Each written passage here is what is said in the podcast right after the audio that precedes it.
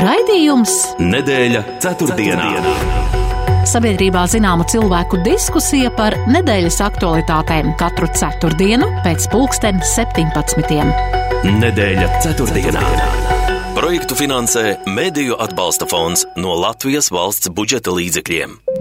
Sveicināti kurzemes radio klausītāji! Ceturtdienas vakars jau 1. februāris, un mēs, kā alažu laikā pēc pulksten pieciem vakarā, satiekamies raidījumā nedēļa ceturtdienā. Tā laikā nedēļu pa nedēļai sekojam līdzi aktuāliem notikumiem. Aizvadītajās septiņās dienās daudz runāts par izglītības tēmu, kā pielāgot skolu tīklu esošai situācijai, kad demografiskie rādītāji ar katru gadu krītas un jāpaukstina arī izglītības kvalitāte vispār izglītojošajās mācību iestādēs. Arī augstākās izglītības stiprināšanai tiek apvienotas augstākās izglītības iestādes Liepājas universitāte, pievienojot Rīgas Tehniskajai universitātei, savukārt Rīgas Stradiņa universitātei pievienosies Sporta pedagoģijas akadēmija. Aktuāls arī jautājums par Krievijas graudu importu un tranzītu caur Latviju.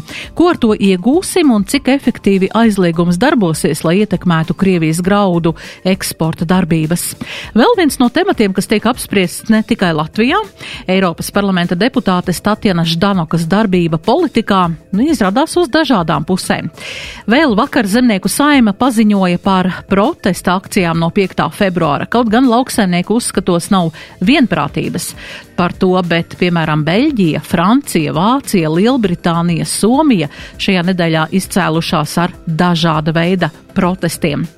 Vēl otrdien atklātībā nonākuši arī aizvadītā gada vārdi, nevārdi un spārnotie teicieni. Kādus no minētajiem tēm, tematiem apspriedīsim šovakar uh, kopā ar raidījuma viesiem. Un tie ir Rīgas Stradiņa Universitātes studiju programmas sociālais darbs pasniedzēja Dagnija Staķe. Labvakar!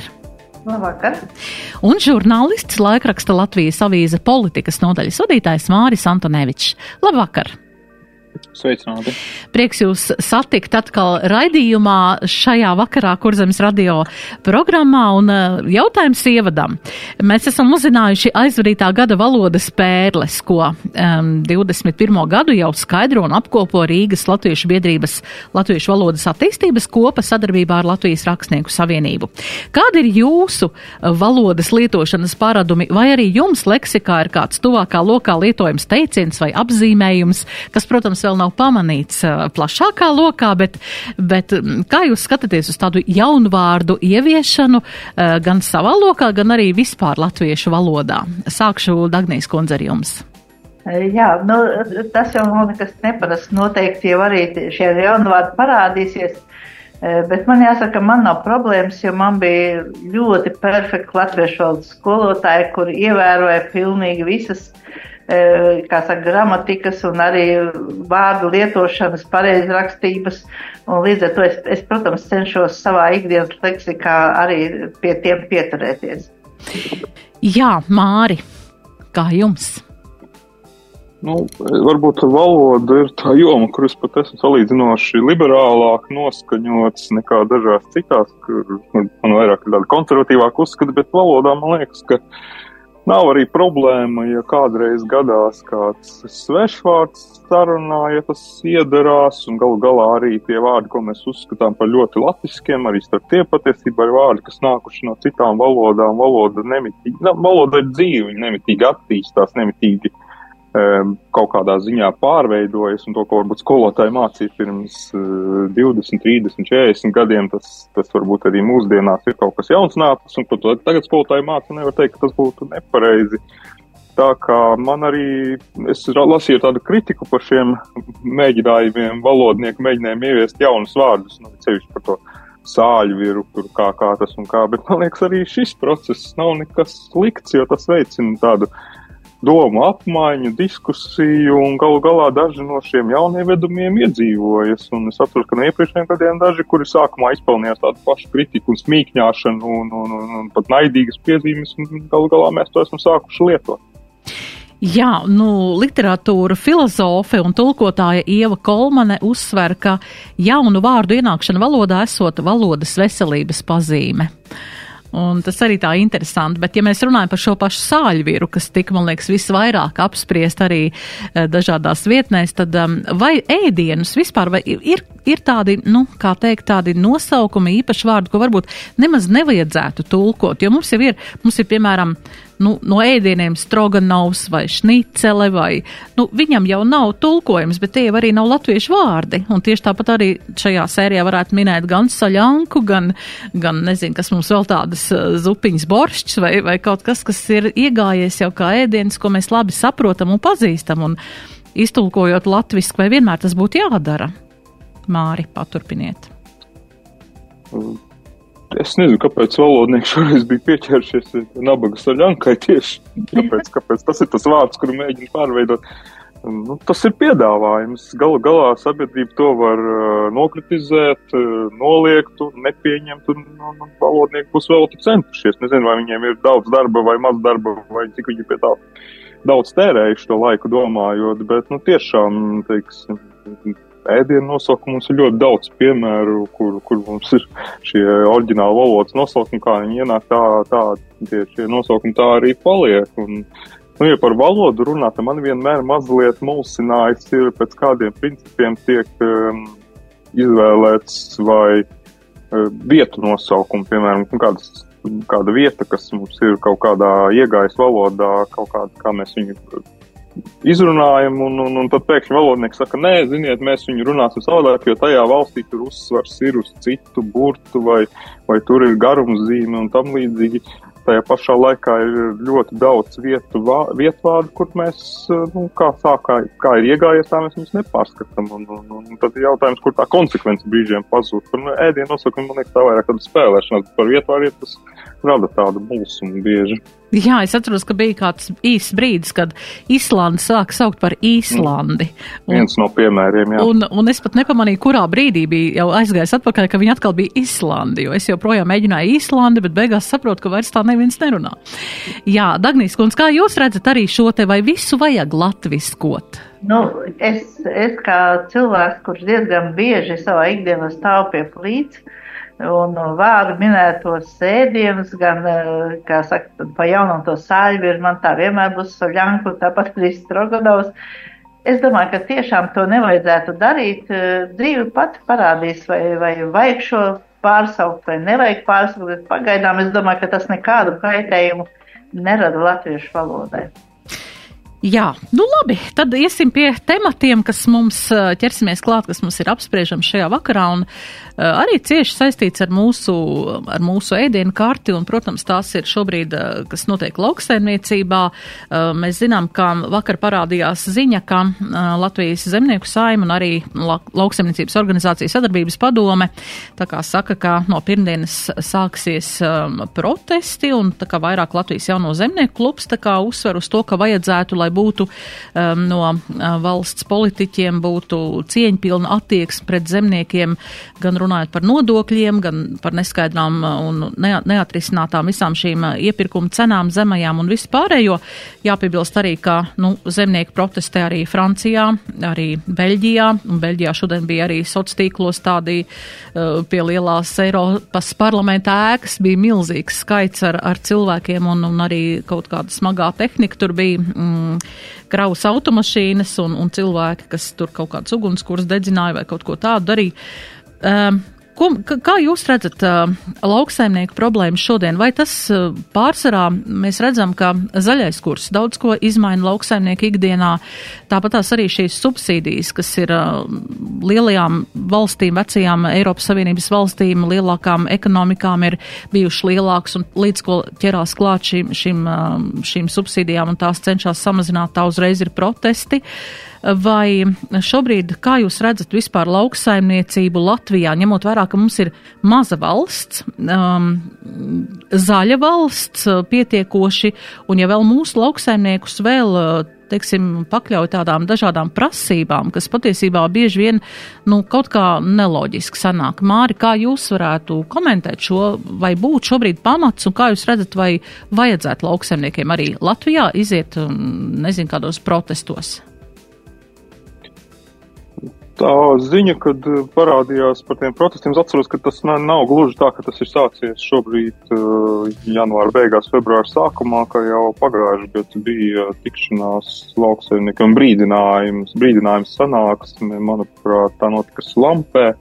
Ja pareizi atceros, kur arī bija atbraukuši vairāk traktoru tehnikā tādiem spilgtiem plakātiem, ka, ja jūs mūs nedzirdēsiet, tad mēs būsim Rīgā.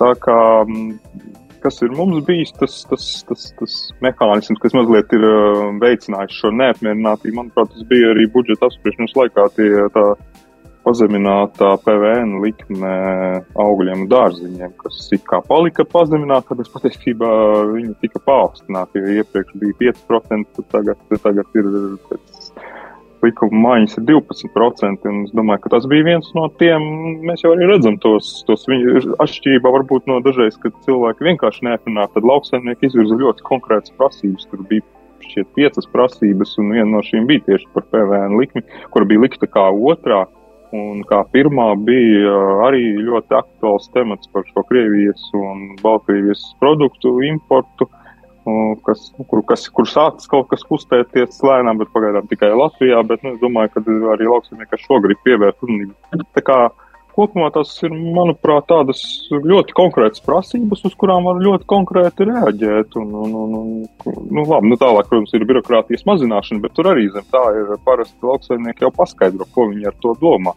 Un, un tieši slampē bija ļoti gar, garas uh, diskusijas un uh, Un, un, un tieši piemēri, ar ko, ši, ar ko izpauž, kā izpauž šī birokrātija, kas, kuru lauksaimnieki, kurus neapmierina. Tā kā, protams, tas sakrīt ar to tendenci, kas ir Eiropā, un es domāju, tas kaut kādā veidā ir veicinājis lauksaimnieku vēlmi arī kaut kādā veidā atgādināt par savu klātbūtni, par to, ka viņiem arī ir prasības. Bet Viņiem tomēr ir sava dienas kārtība, kas varbūt nav, kas varbūt ne, ne tieši sakrīt ar Eiropas šiem neapmierināto lauksaimnieku prasībām. Eh, es domāju, ka ja būs dialogs, ja būs, būs kaut kādā veidā kaut kādi signāli, ka tas tiks ņemts vērā, kas prasa, tad, tad, tad tā būs ļoti labs piemērs, kā var izcināt jautājumu. Jā, Dagnijas kundze, kā jūs redzat šā brīža mm, zemkopības ministra sadarbību ar savu nozari? Uh, Jo izskan arī kritika viņam, kā, ka viņš nemaz tā īsti negrib ieklausīties tas, ko, kas zemniekiem vajadzīgs Latvijā. Nu, es domāju, ka viņš vienmēr ir centies ieklausīties eh, arī mūsu zemnieku viedoklī, un, bet tas, ka šobrīd ir, kā saka, šie protesti sakrīt Eiropā un Latvijā, tas vispār tāda interesanta tendence, jā, un, teiksim, jautājums, kur ir šis kopsaucējs.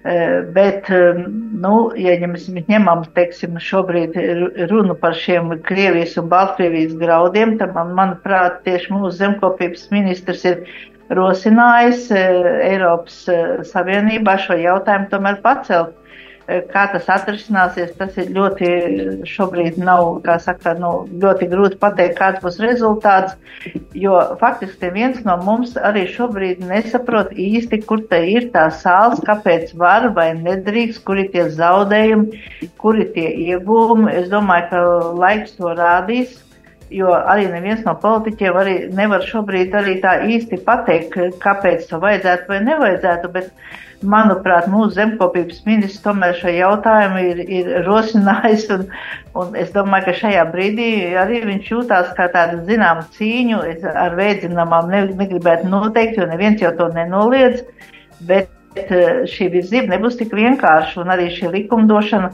ko šobrīd arī mūsu valdība un, un sājuma taisās, teiksim, virzīt, eh, ne, nebūtu šobrīd nesulu vēlamo rezultātu. Jā, nu patiesībā arī runājot par šiem pašiem graudiem, arī mūsu valsts prezidents ir aicinājis kaimiņu valsts Lietuvu un Igauniju un arī citas mūsu reģiona valsts aizliegt šo graudu importu no Krievijas un Baltkrievijas, sekojot mūsu piemēram, bet ja to nedara, teiksim, valstis vienoti, mums jau tie graudi tāpat var ienākt, tie paši graudi tikai caur citiem vārtiņiem patiesībā. Jā.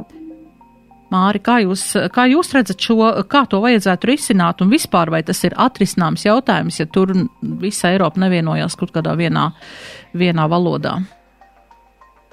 Mm, es saprotu, ka ka visa e Eiropā varbūt noteikti ir dažādas pozīcijas un, un tādu vienotu uh, stāstot, ka mums vajag par kaut ko vienoties, tā var runāt ļoti ilgi. Un, tur varbūt, varbūt varētu šīs valsts kaut kādā iedalīt kaut kādās grupās un, un kāda ir šī iemesla, kāpēc kura valsts kaut kādā veidā pretojas šiem lēmumiem. Un, noteikti kaut kādas rietumu Eiropas valsts, tur ir citi motīvi nekā austrumu Eiropas, bet, nu, Es tomēr gribu, manuprāt, tā tomēr tāda atruna. Es arī no mūsu politiķiem dzirdējis eh, gan no premjeras, gan no ārlietu ministra, zemkopības ministra, no apmēram, nu, ja mēs nevaram visi kopā, nu tad ko tad mēs? Mēs jau vieni paši, tad mēs tikai, tikai neko neizdarīsim, tad mums nevajag, nu, ja citi, tad labāk mēs paliekam arī. Nu, manuprāt, tā nav gluži tāda attieksme, ja mēs redzam, ka kaut kas nav pareizi, tad ir jārīkojas, pat ja tajā brīdī mums tas varbūt nodara kādus zaudējumus, bet ja mēs saprotam, ka tā nauda, kas ienāk, tā ir asņaina nauda, un ka tā nākotnē mums iespējas pašiem nodarīs lielāku kaitējumu nekā šobrīd labumu, tad šie lēmumi jāpieņem, pat ja neviens tajā brīdī tevi neatbalsta. Varbūt šodien neatbalsta, rītdien varbūt pievienosies, sapratīs, ka tu dari pareizi un pievienosies ar vien vairāk, un tomēr šī kaut kāda koalīcija veidosies. Citādāk, iznāk tas pats apmēram, kas savulaik bija ar Krievijas energoresursiem, kur arī, nu, it kā jau mēs saprotam, ka tā ir liela atkarība, ka tas ir drošības risks tā tālāk, bet, nu, tas ir lētāk, un, un mums mēs tā nevaram, un citi tomēr tā dara, un, un ko tad mēs, un, un galu galā tad, kad pienāk tas brīdis, kad, nu, diemžēl piespiedu kārtā ir jāatsakās, jo, nu, saproti, ka tas, ir, ka tas ir pilnīgi nepieņemami, tad tas ir daudz sāpīgāk nekā to lēmumu mēs jau laicīgi apzinājis un darījis. Tāpat, tāpat arī ar šiem graudiem un, un pārējo, kas nāk no Krievijas. Man šīs atrunas nepārāk pārliecina no politikas puses. Jā, mēs aiziesim reklāmas pauzītē un tad turpināsim. Nedēļa ceturtdienā. ceturtdienā. Ko var izdarīt uz vienas ģitāras? Virtuozajam ģitāristam Mārcim Auziņam spēlēt solo koncertu ir stihija un izaicinājums visa mūža garumā. Tā ir nepārtraukta muzikālo robežu nojaukšana un jaunu izaicinājumu meklēšana. Mārcis Auziņš gaidīs tevi savā solo koncertā. Pilsētā ar unikālu šarmu Liepājā, Kultūras namā Viktorijā. 17. februāra vakarā, pulksten 9. Biļetes biļešu paradīzē informē Kurzemes radio. Nedēļa ceturtdienā. ceturtdienā. Un turpinām sarunu raidījumā nedēļa ceturtdienā ar šī raidījuma viesiem Māri Antoneviču un Dagniju Staķi. Jā, um, par šiem pašiem graudiem runājot, jā, nu, arī mūsu premjere um, Siliņas kundze ir apstiprinājusi, ka vairāk vai mazāk tomēr šis ir tāds politisks lēmums un politiski iestāšanās, un ka tas ir, nu, politiķiem jāizlēma, kā savu tirgu un, un savu valsti aizsargāt no šāda veida graudiem, kas nāk uh, no Krievijas un Baltkrievijas. Bet otrs jautājums arī, kā ietekmē mūsu produktus arī šis pats uh, Eiropas komisijas rosinātais vēl uz gadu saglabāt pilnībā brīvu tirdzniecību ar Ukrainu. Un šo te mm, arī tur tāpatās ir lauksaimniecības produkti, vai nu, nesenāk arī, kad nu, tas ir tāds pamatīgs konkurējošs elements mūsu lauksaimniekiem un ka tas arī ir tā kā mūsu lauksaimniekiem tā kā arī tā kā netraucē piln, pilnīgi, pilnvērtīgi nopelnīt vietējā tirgu. Dagnijas kundze, varbūt jūs varētu šo Nu, es teiksim, šobrīd varbūt neesmu gluži izcils speciālists šajā jomā, bet skaidrs, ja jau reiz ir šīs bažas parādījušās, protams, ir, ir kaut kādi elementi, e, kas arī, teiksim, traucē varbūt tālāku šīs tēmas attīstību. Un e, mēs arī tagad redzējām par tām Ukrainas olām, kaut vai šobrīd, ja tomēr kaut kādas pretrunas tur šobrīd arī pastāv.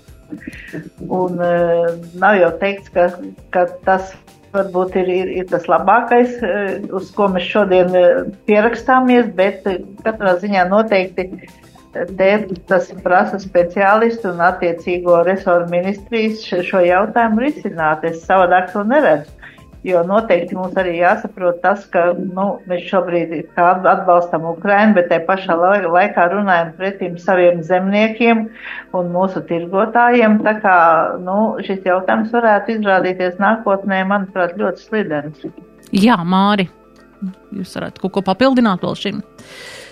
Jā, nu es arī laikam nebūšu tas speciālists, kas visu šo lietu. Es esmu dzirdējis um, nu, par tiem Polijā, kad ir liela mēģinājumi visādi bloķēt kaut kādu tur, kas ir tur pamatā visam tam, vai tur ir kaut kāda uh, dempingošana no Ukrainas puses, vai kas, es tiešām nezinu, vai, vai, vai tā ir vienkārši konkurence, kuru mēs negribam pieļaut, bet no otras puses jāatceras, ka galu galā Ukraina ir uzsākusi virzību uz Eiropas saimnību, protams, ir ceļš ir ļoti tāls, taču, nu, agrī vai vēl, ja mēs pieņemam, ka viņi būs Eiropas Savienībā, tā konkurence vienalga būs. Nu, ko mēs tagad, teiksim, sāksim tā kā stāstīt, ka mēs jau šobrīd nevaram, nu, tad jautājums, kāpēc tad politiski šie lēmumi par Ukrainas atbalstu top, nu, ja viņi, ja viņi būs pilntiesīgi Eiropas Savienībā, savulaik tas būs vienots tirgus, tā kā tur varbūt jāsāk jau gatavoties un pierast, ne tikai protestēt.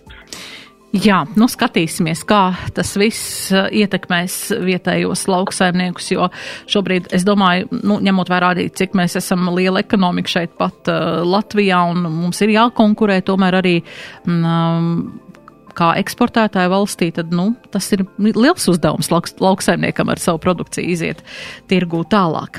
Jā, Tagad pāriesim pie citām tēmām un parunāsim jā, par, ja jau par politiku, tad par politiku un par mūsu politiķi Latvijas politiķi par Tatjanu Ždanoku, par Eiropas parlamentu politiķu no Latvijas ievēlētu, kas atkal patiesībā um, viņas nonākšana Eiropas parlamentā ir mūsu kā vēlētāju atbildība. Tas ir, tas ir jāsaprot, un um, šajā laikā pirms Eiropas parlamentu vēlēšanām, um, es domāju, mums katram vajadzētu pievērst vēlētāju uzmanību, klausītāju, skatītāju, lasītāju uzmanību tam, kāpēc ienāk uh, Eiropas parlamentā tieši tie deputāti, ko, kas viņi, ko viņi tagad dara, un kāpēc mums varbūt šad tad ir diezgan, nu, tā nērts par to, ka tie ir mūsu deputāti, kas kas kaut kādā veidā tur izceļās ar kaut ko.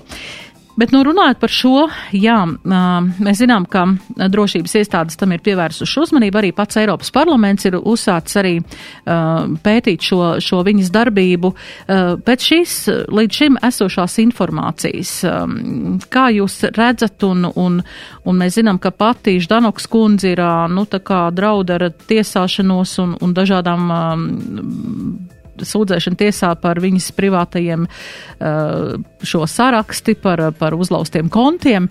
Uh, ko, kā, kā mēs varam atkal šo jautājumu kaut kādā veidā, mm, tā, kā var teikt, tā labi un, un, un tā labi nomenedžēt, lai, lai mēs parādītu, ka mēs tiekam galā ar politiķiem, kas ir ienākuši no Latvijas Eiropas parlamentā, ka patiesībā, nu, ka mēs tiekam ar to galā.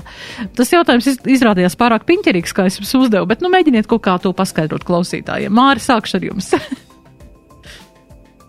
Jā, nu tur no vairākām pusēm var skatīties vispirms par laikam par to, uh, par Eiropas parlamentā, ko mēs ievēlam, nu, mums visticamāk, ja mēs tagad paprasīsim saviem radījumiem, paziņām apkārt, nu, diez vai mēs atradīsim kādu, kas ir balsojis par Tatjanu Ždanaku. Viņi pārstāv pavisam citu vēlētāju, un mēs zinām, ir, kāds ir šī vēlētāja noskaņojums, ideoloģiskā pārliecība, Ždanaka ir tā, kas iemieso šo viņu vajadzības. Diemžēl tādas sabiedrības daļa mums ir pietiekami liela. Pēdējā laikā mums tas satrauc, jo īpaši kopš kara, kara pilna mēroga kara sākuma mums tas satrauc jo īpaši, jo mēs redzam, ka tie ir arī drošības riski un mums tiek bieži sāstīts par hibrīdu karu, visādiem iespējamiem nepatīkamiem scenārijiem, un tad šī daļēji pārklājas tā daļa, uz kuriem mēs raugāmies ar bažām, kur šie scenāriji varētu īstenot, daļēji pārklājas ar Ždanakas kundzes elektorātu. Uh, par to, ko, ar ko viņi ir nodarbojusies visus šos gadus, nu, man bija šonadēļ Latvijas avīzē komentārs, kura nosaukums bija Ždanaka izgājusi pīles testu.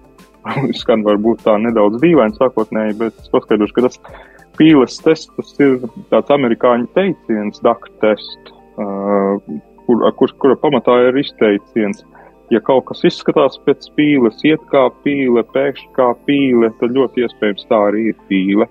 Un Ždanaka visu šo laiku ir uzvedusies, darbojusies, runājusi kā Krievijas aģents. Un tagad mēs esam pārliecinājušies, ka viņa tiešām ir Krievijas aģents, un tam ir pierādījumi.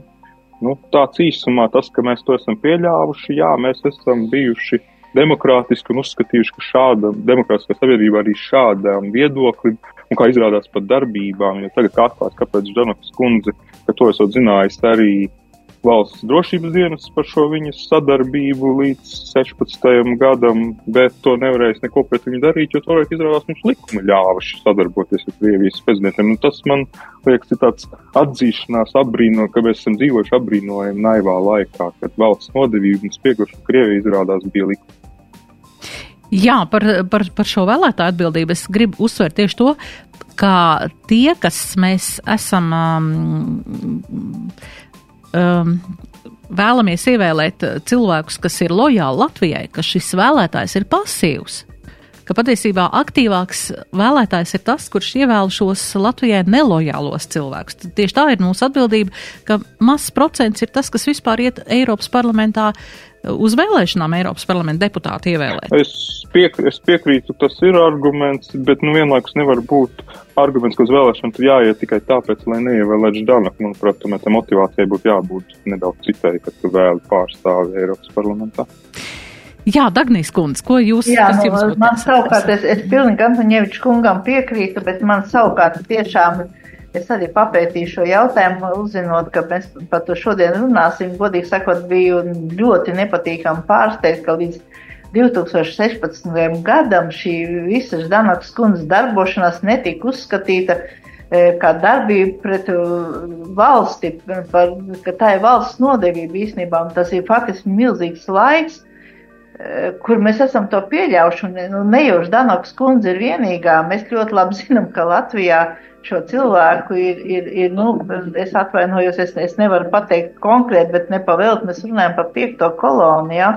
Un, ja mēs tā paskatāmies, tad viņi arī tika e, faktiski sponsorēta no Eiropas parlamenta, jo, jo šie līdzekļi, kas, teiksim, aizgāja, teiksim, Žānas kundzes e, atalgojumā, biroja atalgojumā, tie, protams, aizgāja visi arī tur. Un mēs, mēs tagad redzam, kur tas viss ir novedis un ka mēs esam bijuši ārkārtīgi lojāli faktiski pret šīm visām izdevībām. Un, Un, es nezinu, mēs, kāpēc mēs esam to darījuši, un, un droši vien arī politiķiem, arī man tā skaitā noteikti ir jā, jāuzņemas par to atbildību, protams, jā. Jā, jo patiesībā arī šī partija, kuru viņu vada, tā visa šīs partijas darbība jau patiesībā, nu, tā ir vienmēr bijusi pret nu, Latvijas neatkarību. Māri? Tomēr, jā, nu, tur, tur tā, tā, arī tagad, piemēram, ir parādījies dienas kārtībā jautājums par Latvijas-Krievijas Savienības darbības apturēšanu, bet politiķi arī, aptaujātie politiķi arī skaidri norāda tie, kas ir, teiksim, Nacionālā drošības komisijā saimā, tas nevar būt politisks lēmums, ka tiesiskā valstī tam pamatā ir jābūt tātad drošības dienestu atzinumam, tālāk ģenerāla prokuratūra un tiesas Un tas tad visam jābūt savā pareizajā likumā. Nu, un uh, Žanoks partija ir bijis viens brīdinājums par Kremļa propagandas izplatību, vai šis, kas ir vairāk vēsturiski, un, un, un vai šis varētu tikt uzskatīts par otru, nu tagad tiks gaidīts uh, drošība, valsts drošības dienas atzinums, un, un tad redzēt, kā būs. Nu, pagaidām neviens tā neņemās teikt, vai šī darbība tiks apturēta vai nē. Nu, jā. Jā, un viņa pati ir paziņojusi, jā, ka noteikti vērsīsies pie saviem advokātiem un paziņojusi, ka viņu nobiedēt neizdosies, un, un um, jā, ka viņi turpina ar saviem dombiedriem un turpinās tomēr to, ko viņi ir iesākusi arī no Eiropas parlamenta tribīnes. Jā, tomēr interesanti, ka viņa vairs nekandidē uz Eiropas parlamentu. Nu, viņa, tas ir skaidrs zināms, ka viņa nekandidēs. Un tieši tagad parādās šī noplūdusī saraksta, nevis nu, lai, iepriekš, kad, kad varbūt mums būtu bijis tas kaut kāds motivācija lielāka viņu apturēt un, un teiksim, pirms iepriekšējām Eiropas parlamentu vēlēšanām. Bet ko es vēl tagad atcerējos, ka es ko gribēju atgādināt, ka galu galā arī Tatjana Ždanokai nevienmēr bija šīs tiesības kandidēt, nu, kā mēs zinām, ne saimā, viņa nav varējusi kļūt par saimnes deputāti, jo šis likums joprojām ir spēkā, kas lietas šādiem cilvēkiem, kas darbojās savulaik pret Latvijas neatkarību, kandidēt gan arī pašvaldību vēlēšanās, kur viņa gan īsu brīdi bija Rīgas domē ievēlēt, bet viņa šis mandāts tikai tiesas lēmumu anulēts.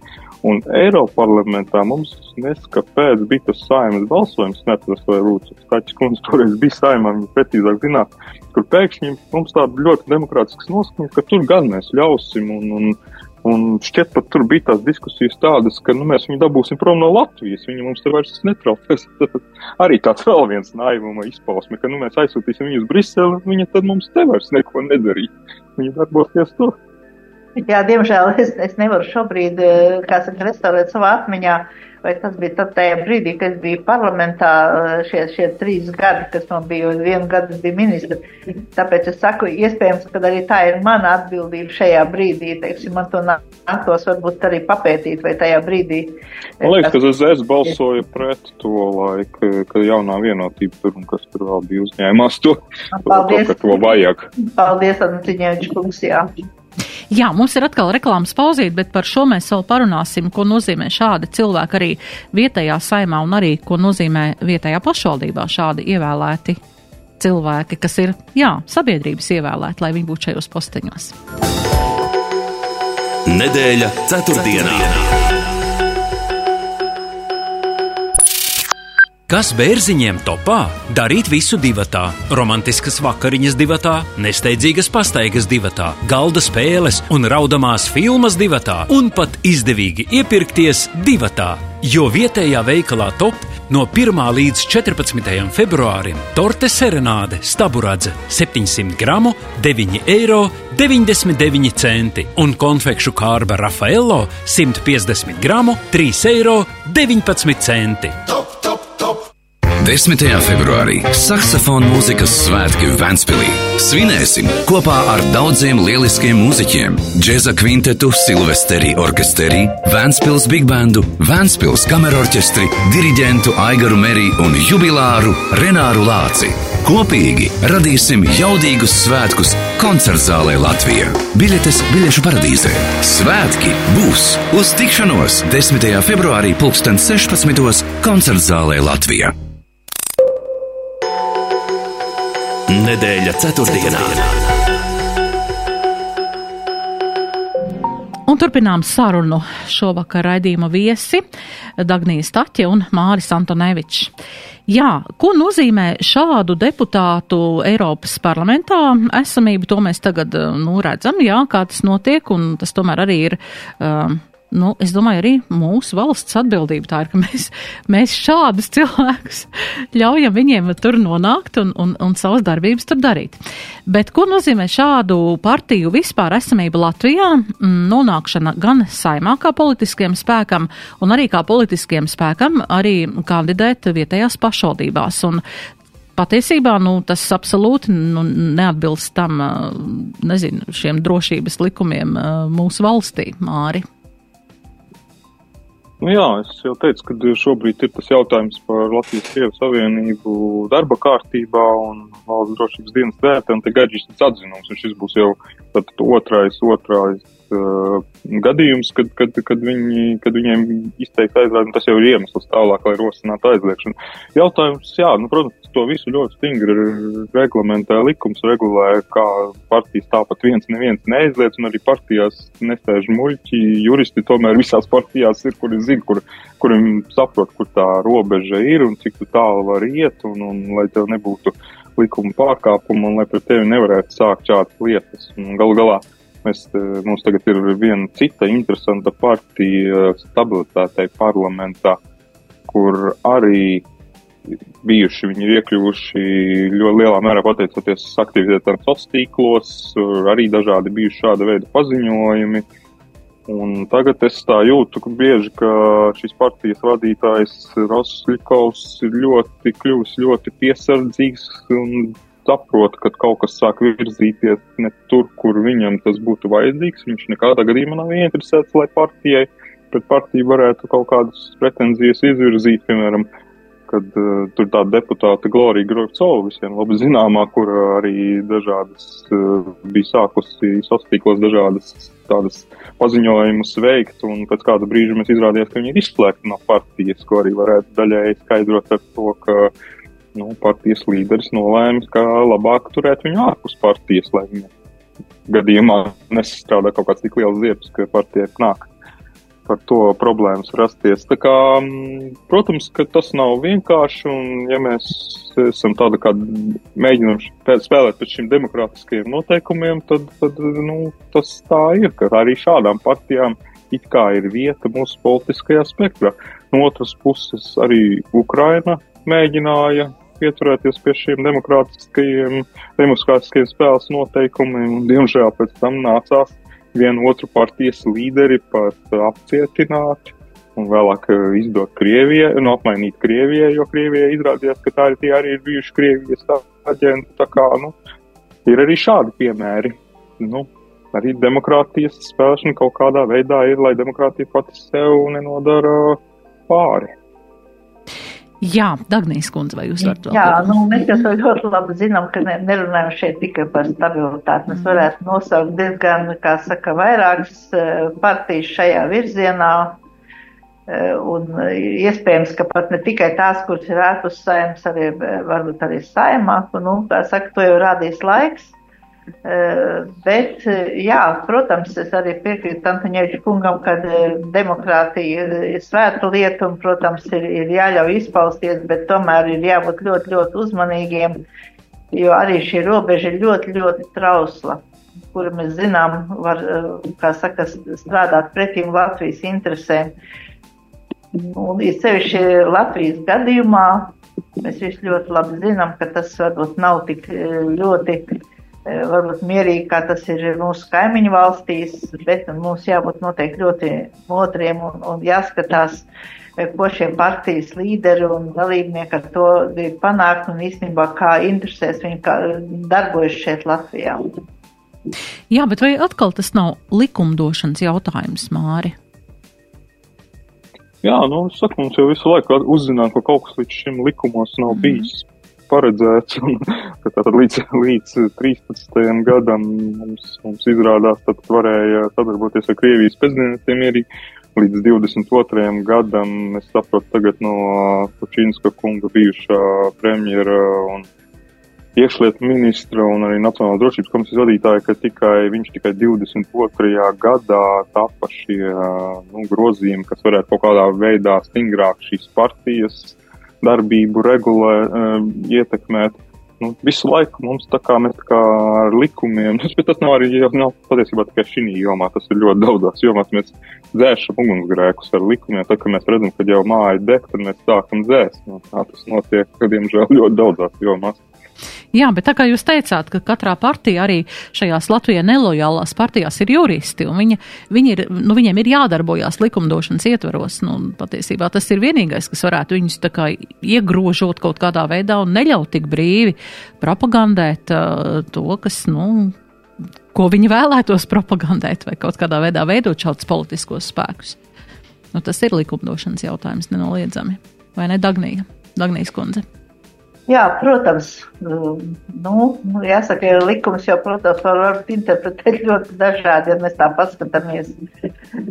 Un mēs varam ļoti daudz tādus piemērus analizēt, kas īstenībā varbūt tiek interpretēti arī caur tādām pavisam citām ikdienišķām tēmām. Ja mēs tā paskatāmies, es ātrumā varbūt jums to nenosaukšu, bet, bet kas īstenībā nekalpo Latvijas interesēs. Jā. Tur jau tā lieta, jo Nepavēlti kādreiz tās teiciens likumu ir apieta līkumu. Jā, acīm redzot, arī tas šobrīd vēl darbojas. Jā, nu, mums arī top dažādi likumi saistībā ar izglītību, un mēs zinām, ka nu, šie jautājumi ir diezgan aktuāli gan augstākās izglītības šajā daļā, jo augstākās izglītības iestādes nākas apvienot, lai būtu efektīgāk šī augstākās izglītības iegūta un arī mazāk šie administratīvie izdevumi un dažādā veidā šīs programmas efektīvākas, gan arī, protams, vispārējā izglītība, vispār izglītojošo skolu tīkls un plānotajiem skolēnu skaita kritērijiem, kas šobrīd pēc jaunās programmas um, ir izveidots, neatbilst vairāk nekā 70 Latvijas vidusskolu.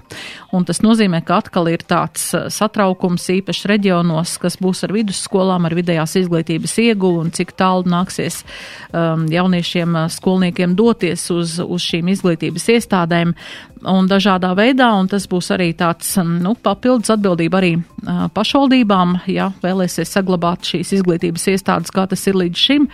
Un, um, šo visu tā kopā skatot, un mēs zinām, ka arī no izglītības darbinieku arotbiedrības ir nācis atkal tāds um, pretuzbrukums tam visam, un atkal tāda kritika par to, ka atkal ir kaut kas nepārbaudīts, kaut kas pussagatavots, un tas tiek atkal kaut kādā veidā ieviests, mēģināts to ieviest, un kamēr nav tikts vēl ar iepriekšējām, iepriekšējiem jautājumiem galā, gan ar šo skolu 2030, visām šīm mācību materiāliem un, un slodžu sadalēm un vispārējo, ko arotbiedrība uzsver. Um, šobrīd atkal, kad, kad jūs dzirdat par šo skolu tīklu sakārtošanu, mēs zinām, ka tas ir pamatot arī. Nu, tas nav tā, ka um, nu, to nevar skatīties vienpusēji, ka tas tiešām tagad mēs visu tikai iznīcinām. Bet, nu, protams, demogrāfija nav iepriecinoša Latvijā. Bet eh, jā, tādas jūsu domas par šo kā to pareizi, kā teikt, tā ieviest un, un kā pareizi komunicēt ar sabiedrību, lai, lai varētu paskaidrot, lai nu, cilvēku saprastu, ka tas ir kā, pašu cilvēku labā, kā arī valsts prezidents bija izteicies, kad ir šī cieņas pilnā attieksme gan pret to vecāku, gan pret to skolotāju, arī no ministrijas puses tāds, nu, tāds uzstādījums varētu būt. Kā jūs to, Dagnijas kundze, jūs esat izglītības sistēmā cilvēks Jā, zinat? Nu, es varbūt gribu gribētu šobrīd, ja, ja ir atļauts laiks, atgriezties varbūt tādā manā pašvaldības vadītājas periodā, kad, diemžēl, man nācās skolu likvidēt. Tas bija pagājušā gadsimta beigās, kad mūsu pagastā, Tumis pagastā, tika uzcelta jauna skola 370 skolēniem, kur bija paredzēta, un mūsu skolā mācījās 200 bērnu.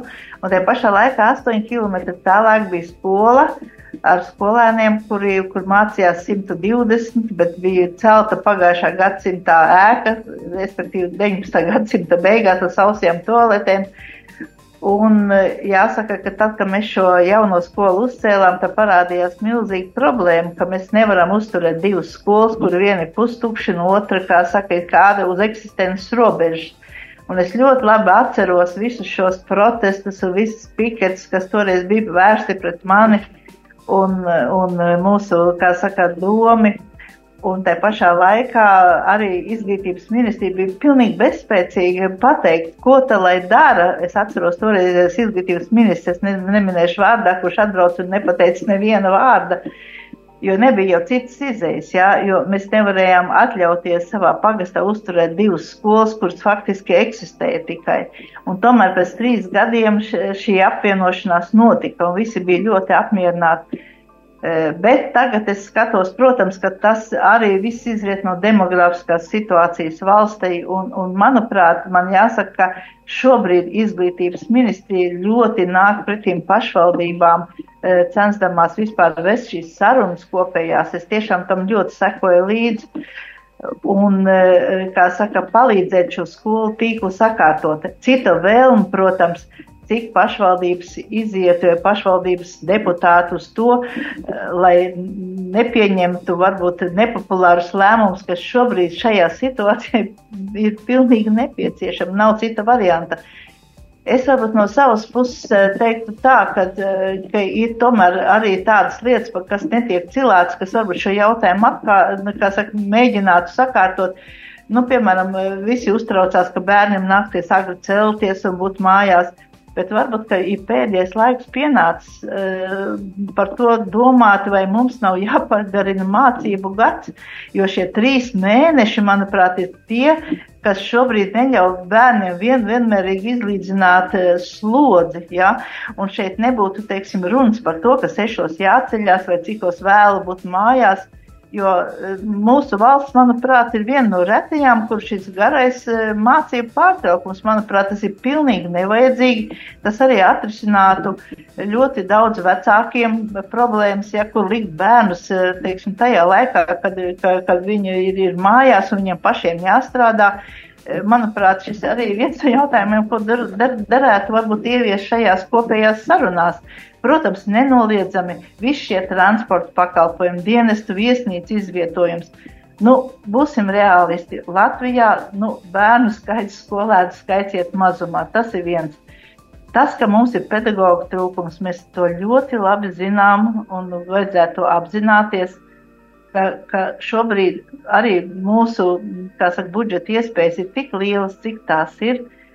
Un manuprāt, tomēr e, šos jautājumus apvienojot, būtu iespējas arī šo pedagoģu trūkumu, ko jūt arī pilsētas skolas, ne tikai lauku skolas, varētu arī atrisināt e, šo pedagoģu algu, teiksim, nu, sakārtošanu, kurš būtu, teiksim, adekvāts, varbūt un pat lielāks nekā vidējā atalgojums valstī Es domāju, ka to būtu visi ieguvēji, un mēs arī atrisinātu to, ka pedagoģa profesija būtu prestiža. Un, kā saka, pie skolas durvīm stāvēt cilvēki, kas grib strādāt, nevis tikai eksistēt šajā brīdī uz to atalgojumu, ko viņiem šobrīd šī brīža budžeta iespējas piedāvā. Jā, paldies par tādu plašu ieskatu, Māri. Vai jūs varat īsi vēl nokomentēt, mums tā kā radījuma laiks iet uz beigām, tātad es sadzirdēju uh, vasaras brīvlaiku īsināt un, un tādā veidā arī atrisināt šos agros rītus, lai nebūtu jāiespiež deviņos mēnešos šīs apmācību programmas. Ko jūs redzat šajā? Nu, manuprāt, tā agrie rīts tas varbūt nav tas, tas jautājums, kas nu, galvenais, par, par ko izglītībā satraukties. Es vairāk varu tiešām neesmu izglītības sistēmā iekšā un arī visus šos reformu procesus vērtēju, vēroju no malas un, un pareizi jau Staķis kundze teica, ka Tie, tas viss jau ir, tas process jau notiek ļoti ilgstoši, un, uh, vien, vien, un, un patiesībā skolas visu laiku tiek slēgta. Nav tā, ka šogad pēkšņi kaut kāds ir, ka nu, mums jāslēdz skola. Un cilvēki ar to jau pabeidzām samierināt. Cita lieta, ka, manuprāt, cilvēkiem, kaut ko arī ļoti labi, ka bija prezidents izplatīja šo uh, paziņojumu savu, ka cilvēkiem neapmierina tas, ka uh, rodas iespējas, ceļš šobrīd, kad ir tas mazliet tas kā trieciena veidā mēģināts šos procesus risināt, ka, nu, tagad viss, viss, viss ir jāslēdz, ka priekšpusē izvirzās kaut kādas Excel tabulas un, un, un kaut kādi skaitļi un aprēķini un netiek vērtēts. Nu, konkrētais, konkrētā situācija, kāpēc tā skola konkrētajā vietā ir vajadzīga, cik viņa laba ir. Man, man rītdien, piemēram, uh, avīzē būs uh, viedokļa raksts, ko mm, uzrakstījis Rudzātu vidusskolas absolvents, kurš pierāda sava piemēra. Viņš ir ļoti labi startējis starptautiskā olimpiādē, nu, kad maza skola nav. Kvalitāte mazā skola var būt līdzvērtīga lielai skolai. Viņš ir apsteidzis gimnāziju audzēkņus ar saviem rezultātiem. Tā kā um, es domāju, ka tas tāds kas ir vajadzīgs, ir vajadzīga, nu, varbūt tāda individuālāka pieeja. Un vēl viens jautājums ir īsumā, uh, kā mēs arī mazliet man, kas šķiet dīvaini vērojot, tomēr, jā, nu, tiešām šie procesi, skolas slēgšanas ir nu, 20 vairāk gadus, ir, ir bijuši un dažādās vietās, dažādās pašvaldībās slēgt. Man šķiet dīvaini, ka it kā laiks iet uz priekšu, un mēs visādās jomās kļūstam tehnoloģiski attīstītāki. Mums visiem ir telefoni, kur mēs varam visu ko izdarīt, un, un datori, kur daudz darām to, ko pirms 10, 15 gadiem nevarējām. Bet tajā pašā laikā izglītībā mums kaut kā viss tāds sajūta, ka viss šo nav iespēja pielietot. Mums ir tikai tas skolotājs un skolnieks, kas sēž viens pret vienu, un nav skolotāji, tad viss izglītības process pajūg, un mums netiek mēģināts radīt daudzveidīgāku pieeju skolnieku izglītošanā. Nu, vismaz, vismaz no tām diskusijām man tāds iespējas rodās. Varbūt atvainojiet, ja tā nav gluži, ka skolās arī tomēr ir dažādas šīs pieejas, bet, nu, varbūt, ka, teiksim, ja trūkst skolotāji, tad ir iespēja kaut kādas vairāk izmantot tehnoloģiskās iespējas un, un un, un plašāk un kļūt modernāk. Tā kā es domāju, ka tur arī tādā virzienā varbūt diskusija varētu būt. Jā, paldies jums šajā vakarā par sarunu. Mums ir laiks jau bišķi pārtērējies un novēlu jums veiksmi turpmākajā darbā un, protams, uz tikšanos atkal kādā no turpmākajiem raidījumiem. Raidījumā piedalījās Rīgas Stradiņa Universitātes studiju programmas sociālais darbs pasniedzēja Dagnijas Tāķa. Paldies jums liels! Paldies! Un arī žurnālists laikraksta Latvijas avīze politikas nodaļas vadītājs Māris Antonēvičs. Paldies arī jums! Labu! Producente Anda Andersone pie skaņu pults bija mans kolēģis Emīls Kuplais un radījuma vadījies Dace Blūma uz tikšanos turpmāk. Raidījums Nedēļa ceturtdienā. Sabiedrībā zināma cilvēku diskusija par nedēļas aktualitātēm katru ceturtdienu pēc pulksten 17. Nedēļa ceturtdienā. Projektu finansē Mēdīju atbalsta fonds no Latvijas valsts budžeta līdzekļiem.